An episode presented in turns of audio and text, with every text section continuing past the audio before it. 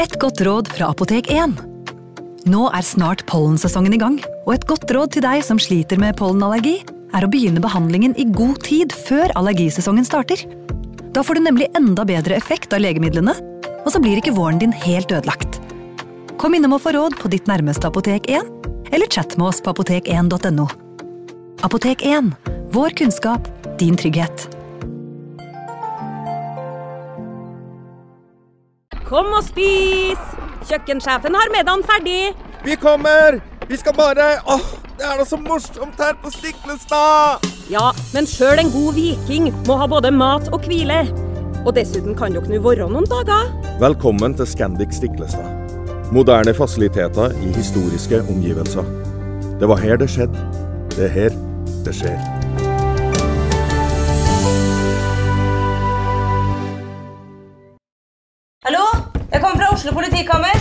Ine Jansen er purk. Er du purk? The motherfucking bitch. Alt jeg vil, er å finne ut hva som skjedde med mannen min. Jon Carew. Er jeg sikta for noe? Iben Akeli. Det er du.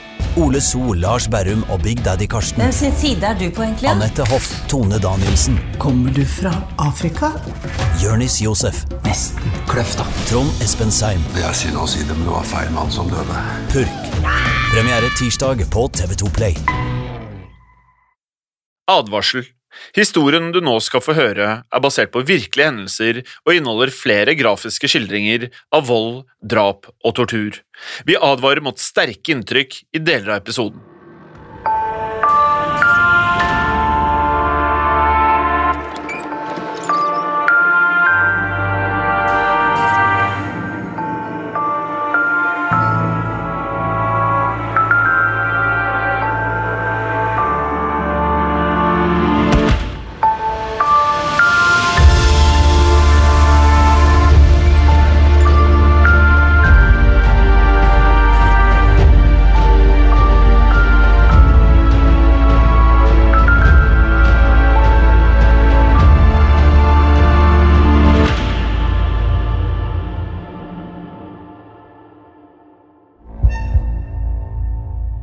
Det nærmet seg midnatt den 3. desember 1986.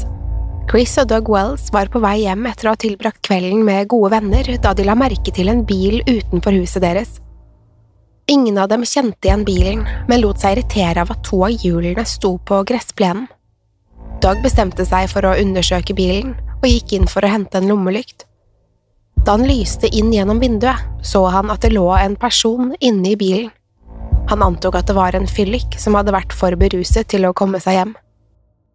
Selv om han fremdeles var frustrert over at bilen sto parkert på plenen deres, bestemte Doug seg for å la mannen sove. Han gikk tilbake til huset, men kom ut igjen litt senere for å kaste søppel før han la seg. Doug så nå at bilen hadde forsvunnet, og la samtidig merke til at det var noe i buskene. Da han gikk litt nærmere og myste, så han at det var en mann som prøvde å gjemme seg. Doug synes naturligvis at dette var ubehagelig, og ropte mot den mørke skikkelsen. Mannen reiste seg snart fra buskene og identifiserte seg som Wayne Nance. Dette var ikke første gang de to mennene hadde møttes. Wayne var nemlig en kollega av Chris, og Dog hadde kjent han i lang tid. Dog mente at Wayne lenge hadde oppført seg upassende, og han virket nesten besatt av Chris. Wayne jobbet som budbilsjåfør for en møbelbutikk hvor Chris var daglig leder. Dog hadde advart henne, men Chris insisterte på at Wayne var harmløs. Selv om Wayne gjentatte ganger uttrykte sin forakt for Doug, mente hun at det bare var en uskyldig forelskelse. Nå hadde Doug fått enda større grunn til å frykte at Wayne hadde onde hensikter.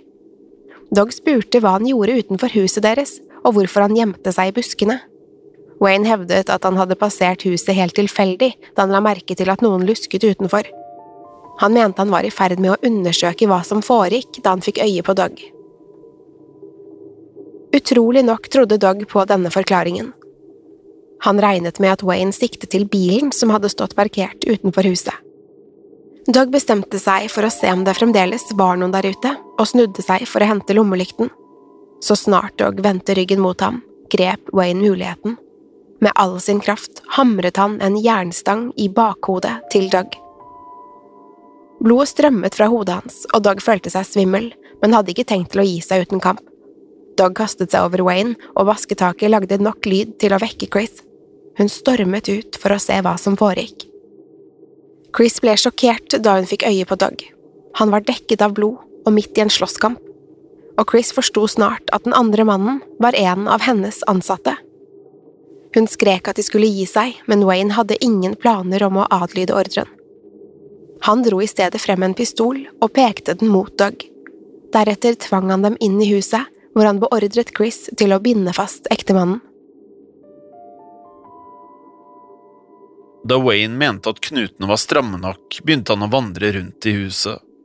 Han virket stresset og antydet flere ganger at han hadde gjort noe han angret på. Wayne fortalte Chris og Dog at han trengte penger, og at han planla å rømme fra byen. Chris fortalte Wayne hvor de oppbevarte pengene, og han så ut til å roe seg litt. Han fortalte at han ikke hadde tenkt til å skade dem så lenge de gjorde alt de ble bedt om. Wayne lovet at han skulle ringe en av vennene deres og fortelle at de var fastbundet i sitt eget hjem. Først måtte han bare komme seg langt nok unna, så politiet ikke kunne ta han igjen. Ettersom han var bevæpnet og tydelig opprørt, kjempet ikke Chris imot da han bandt hendene og føttene hennes. Han ledet henne inn i et annet rom og strammet tauene så hun ikke var i stand til å komme seg løs. Dog tryglet om at Wayne ikke skulle røre henne, men han ignorerte alle ropene. Wayne gjentok at det var helt nødvendig at begge var bundet. Ellers ville sannsynligvis Chris ringe politiet så snart han forlot huset. Verken Chris eller Doug stolte på Wayne, men de forsto likevel logikken hans. De håpet fremdeles at han ikke kom til å skade dem så lenge de gjorde som det ble fortalt.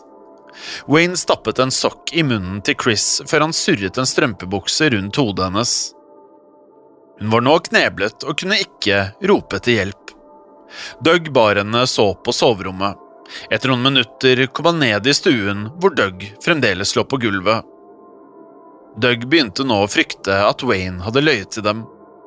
Likevel var han fullstendig hjelpeløs så lenge han var fastbundet. Han forsøkte å vri seg løs, men var ikke i stand til å frigjøre verken hender eller føtter. Og Wayne var dessuten bevæpnet. Wayne tok med seg Doug ned i kjelleren, hvor han ble bundet fast til en bjelke. Doug sin verste frykt ble bekreftet da Wayne plutselig gikk løs på han. Wayne begynte først å slå han, før han til slutt stakk en kniv i brystet hans. Doug sank sammen, og hele kroppen hans ble slapp. Dermed skiftet Wayne igjen fokus. Chris lå fremdeles fastbundet til sengen, og Wayne planla nå å voldta og drepe henne. Wayne var fremdeles på vei opp trappene da Doug våknet til liv. Kniven hadde truffet ham i brystet, men på mirakuløst vis var han fremdeles i live. Han forsto at Chris nå var i livsfare, og begynte desperat å prøve å rive seg løs fra bjelken. Snart klarte han å frigjøre en hånd, og dermed kunne han fjerne resten av tauet. Ettersom han trodde at Doug allerede var død, hadde Wayne etterlatt en rifle i kjelleren. Doug grep våpenet, stormet opp trappen og håpet at kona fremdeles var i live. Doug hadde mistet mye blod og holdt på å kollapse i trappen. Han innså at han var nødt til å lokke Wayne ut av soverommet. Dog lagde så mye støy han klarte, i håp om at Wayne skulle bli distrahert. Planen hans var vellykket, og snart fikk han øye på Wayne i toppen av trappen. Han hevet våpenet, tok sikte og fyrte av. Wayne forsvant igjen, og Dog fryktet han hadde bommet. Snart hørte han riktignok Wayne som skrek ut i smerte. Kulen hadde truffet ham i siden, og begge var nå hardt skadet. Ingen av dem hadde riktignok tenkt å gi opp helt ennå. Wayne gikk nok en gang til angrep, og en desperat kamp brøt ut. Til slutt var det Doug som fikk overtaket. Han fikk tak i riflen og smalt kolben i Waynes hode. Han fortsatte å slå, selv da Wayne forsøkte å krype vekk. Plutselig var situasjonen snudd på hodet. Wayne tryglet om nåde, men Doug ga seg ikke. Selv da riflen var i ferd med å falle fra hverandre, fortsatte han å slå.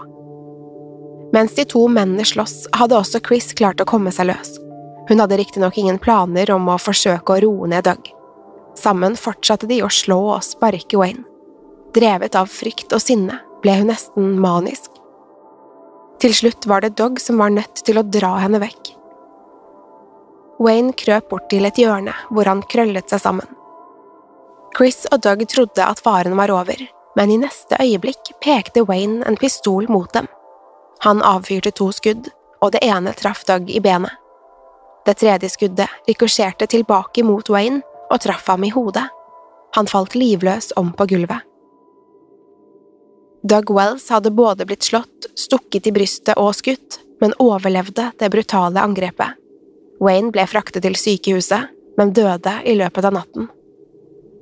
Chris og Doug fortalte den dramatiske historien til politiet. De antok at Wayne bare hadde vært en ustabil mann som var sykelig besatt av Chris. Det skulle riktignok vise seg at dette ikke var en isolert hendelse. Doug og Chris Wells hadde nemlig stanset en seriemorder. Politiet mistenkte nå at Wayne Nance var mannen som tidligere hadde blitt omtalt som The Missoula Mauler.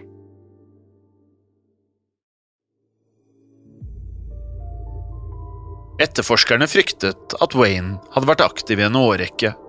Han ble nå knyttet til flere drap og overgrep i Montana. Wayne Nance ble født den 18. oktober 1955 i byen Missoula i delstaten Montana.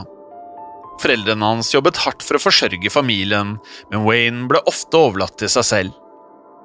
Han gjorde likevel godt på skolen, men han hadde et voldsomt temperament. Dette gjorde at Wayne ofte havnet i trøbbel, men ingen hadde forutsett hvor langt han var villig til å gå. Han var kun 18 år gammel da han skulle drepe for første gang. Offeret var moren til en av Waynes aller beste venner.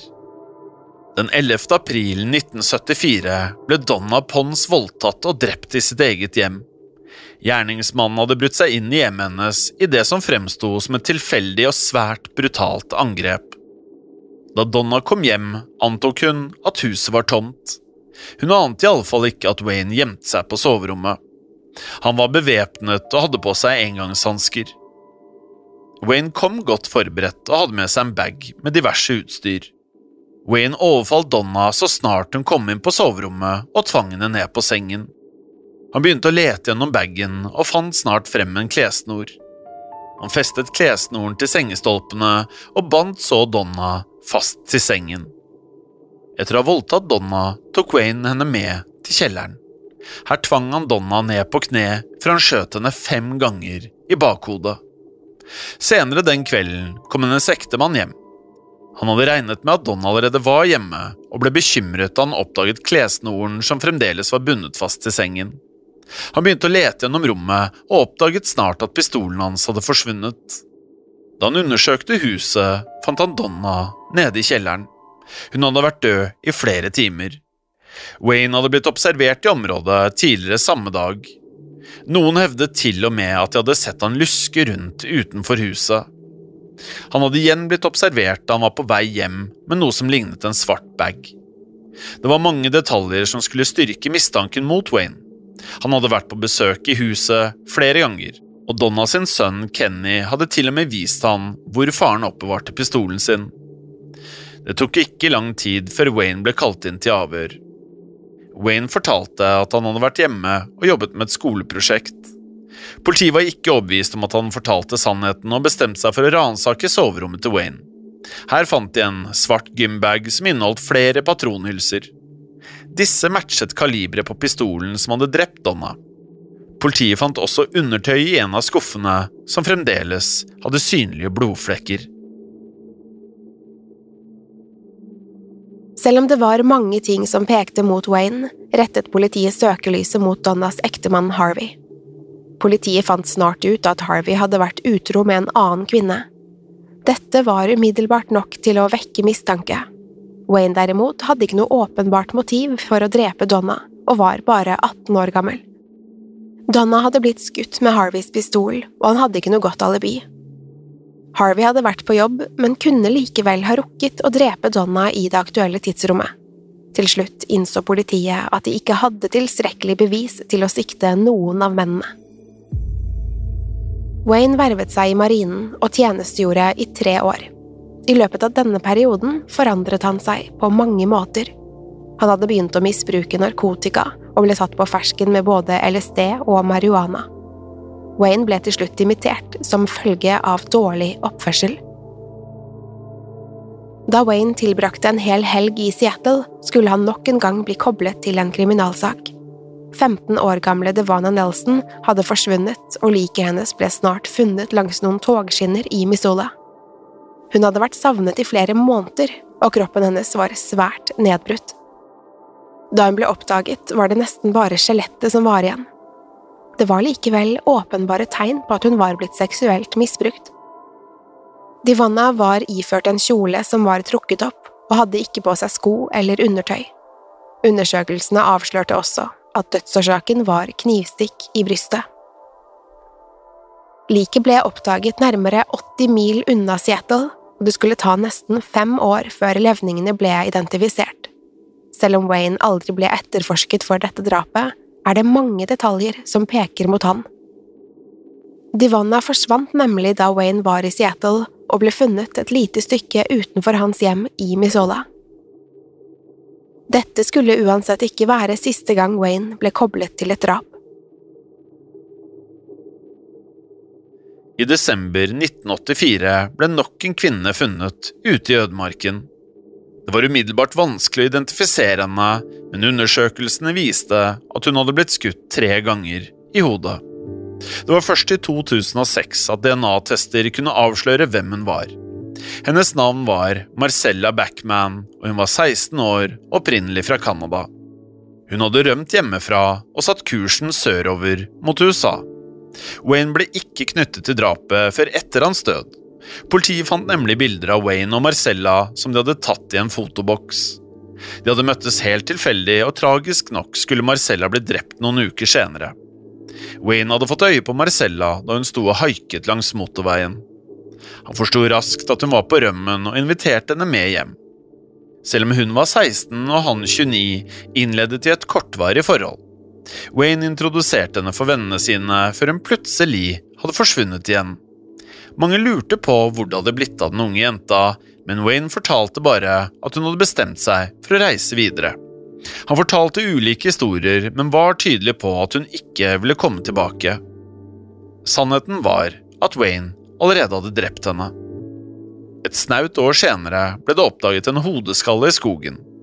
Da politiet begynte å undersøke området, fant de snart flere levninger. Dette var bare noen få mil unna åstedet der Marcella hadde blitt funnet. Nok en gang slet etterforskerne med å identifisere offeret.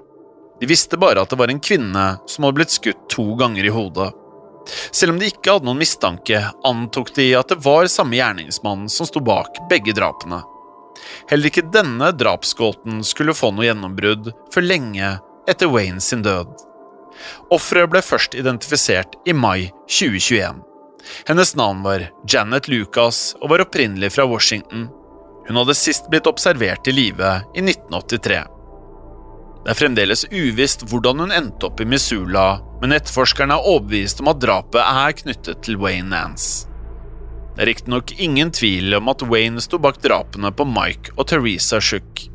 Den 12. desember 1985 banket det på døren til Mike og Teresa. Det var voldsomme, aggressive dunk, og familien skjønte umiddelbart at det var noe galt. Men før Mike og Teresa rakk å tenke seg om, hadde allerede deres fire år gamle sønn åpnet døren. Utenfor sto Wayne Nance. Han holdt en pistol i hånden og tvang seg inn i huset. Wayne oppførte seg umiddelbart truende og fortalte at hans navn var Conan. Han var ute etter pengene deres og lovet at ingen ville bli skadd så lenge de gjorde alt han ba om. Wayne avfyrte likevel et skudd som traff Teresa i beinet. Sannsynligvis var dette kun et uhell, da han trolig avfyrte skuddet som en advarsel. Han hadde tilsynelatende forsøkt å fjerne kulen fra Teresa sitt bein, men hadde ikke vært i stand til å få den ut. På et tidspunkt forsøkte Mike å overfalle Wayne, men ble raskt lagt i bakken. Wayne slo han hardt i hodet med pistolen før han angrep Mike med en kniv. Etter å ha stukket ham flere ganger i brystet, kollapset Mike på gulvet. Her ble han liggende, hjelpeløs, helt til han blødde i hjel. Deretter ble Teresa tvunget med opp til soverommet. Wayne hadde allerede tatt med tre av barna til sine egne rom. Teresa ble dermed voldtatt før Wayne stakk henne flere ganger med kniven. Han ga seg ikke for han var helt sikker på at hun var død. Theresas to år gamle datter hadde blitt satt i en sprinkelseng inne på soverommet. Hun ble dermed vitne til de siste grusomme minuttene av morens liv.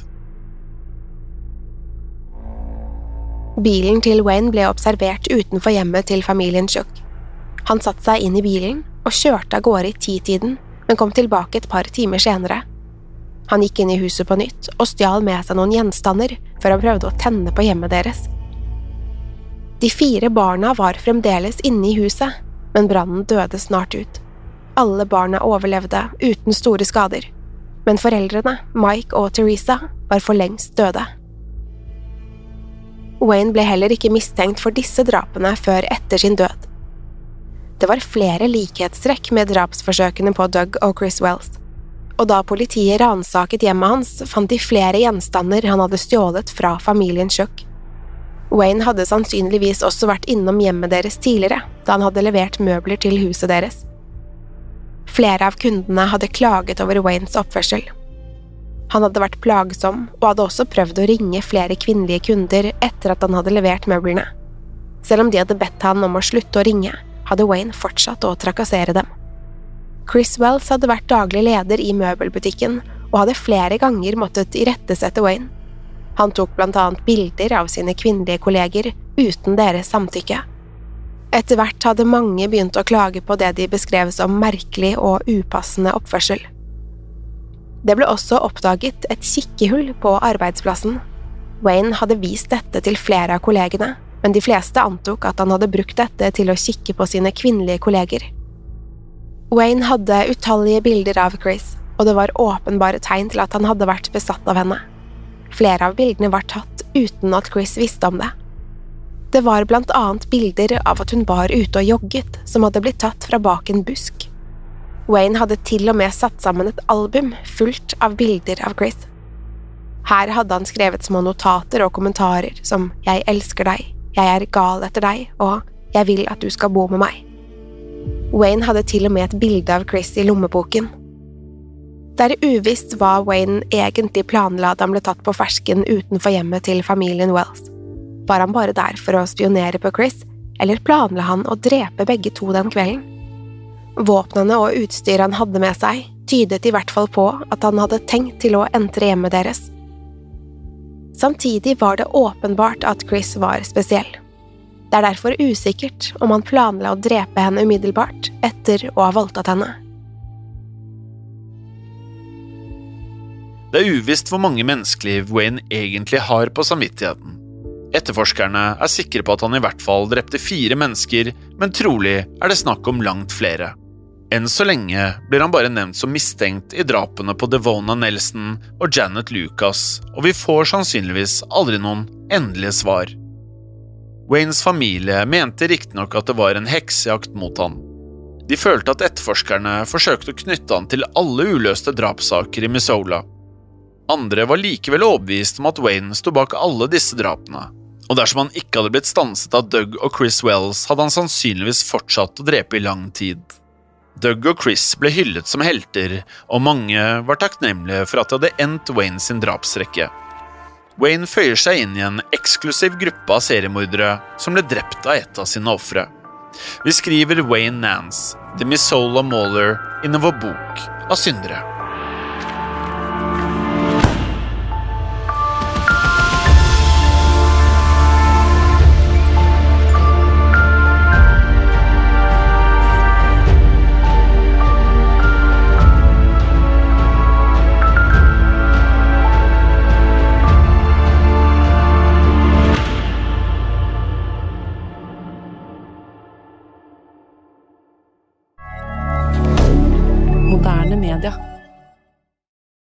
Har du et enkeltpersonforetak eller en liten bedrift? Da er du sikkert lei av å høre meg snakke om hvor enkelt det er med kvitteringer og bilag i fiken, så vi eh, gir oss her, vi. Fordi vi liker enkelt.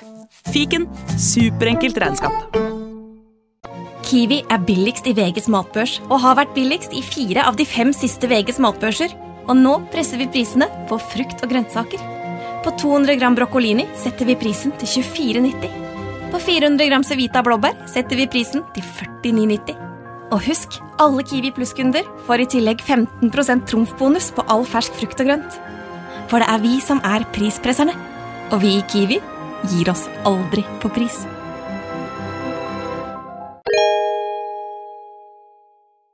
Hei, takk for at du lytter til Synderne. Skulle du ønske at du kunne høre en ny episode av denne podkasten hver eneste uke? Vel, da er det bare å laste ned podkastappen Untold med en gang. I tillegg til ukentlige episoder av podkaster som Skrekkpodden, True Crime-podden og Henrettelsespodden får du masse annet reklamefritt og eksklusivt innhold. Last ned Untold i AppStore eller Google Play, og start din 30 dagers prøveperiode i dag.